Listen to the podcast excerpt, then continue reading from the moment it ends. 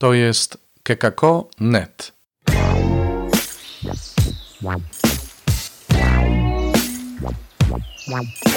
Poranny suplement diety.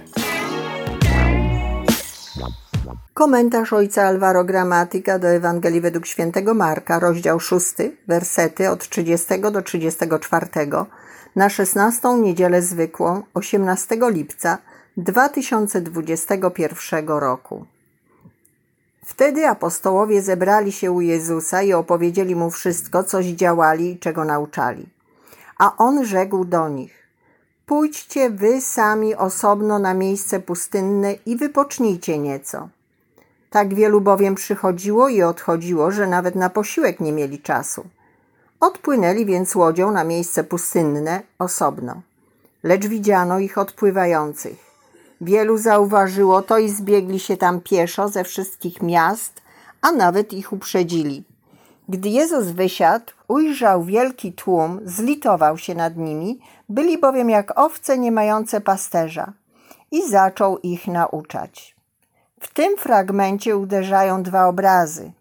Z jednej strony tłum opisany jako owce bez pasterza, z drugiej współczucie Jezusa wobec tego tłumu. Jest spotkanie, słabość z jednej strony i współczucie z drugiej. Ten dwumian bardzo dobrze wyraża serce Jezusa, jego misję i sens jego nauczania. Tłum szuka pożywienia i ochrony, szuka pasterza i chce go szukać, dopóki go nie znajdzie. To jest najwłaściwsza postawa osoby, każdego z nas. Jesteśmy wciąż w potrzebie i nieustannie poszukujemy pełnego życia, współczucia i akceptacji. I ta bieda, jeśli za nią pójdziemy, zawsze poprowadzi nas śladami Pana i Jego uczniów. Samo nasze życie jest nieustannym poszukiwaniem Boga, więc nie powinniśmy bać się naszej potrzeby, ale musimy iść za nią, bo na pewno poprowadzi nas do Boga. Jesteśmy słabi i poranieni, ale nie tylko jako grzesznicy, lecz nasza słabość sprawia, że szukamy Pana, który nas kocha. Naszej biedy nie należy rozumieć wyłącznie negatywnie, ale jest to najlepszy stan, kondycja do poszukiwania i znajdowania Boga. Oto pierwsze przesłanie: przyjąć naszą biedę ze spokojem, bez narzekania i bezużytecznego buntu.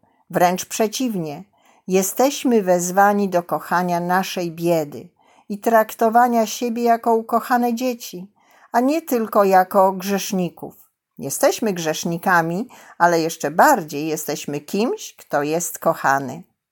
Jednak z drugiej strony bieda nie rodzi osądu ani potępienia, ale współczucie.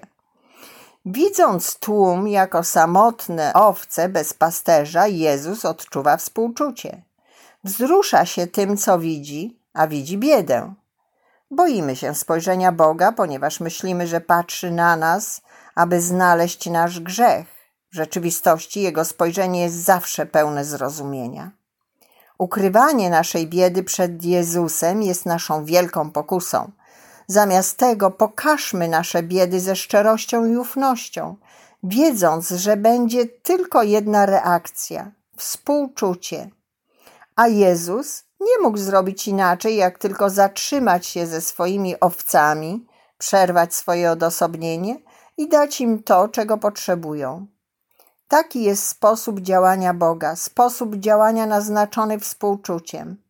Ta boska postawa uwalnia nas od lęku i uczy nas otwierania naszych serc, bez względu na ciężar, jaki nosimy w sobie, ponieważ Bóg zawsze patrzy na nas z miłosierdziem.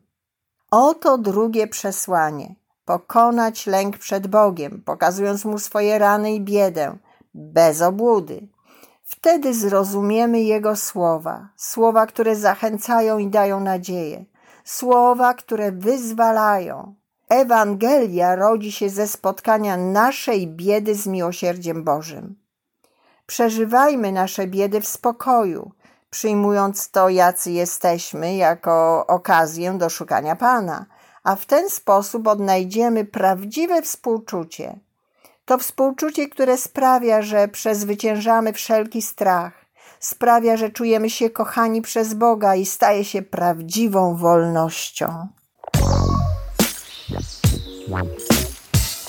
To był poranny suplement diety. Czytajcie Słowo Boże, dzielcie się nim, na przykład pisząc na adres redakcja małpa.kekako.net.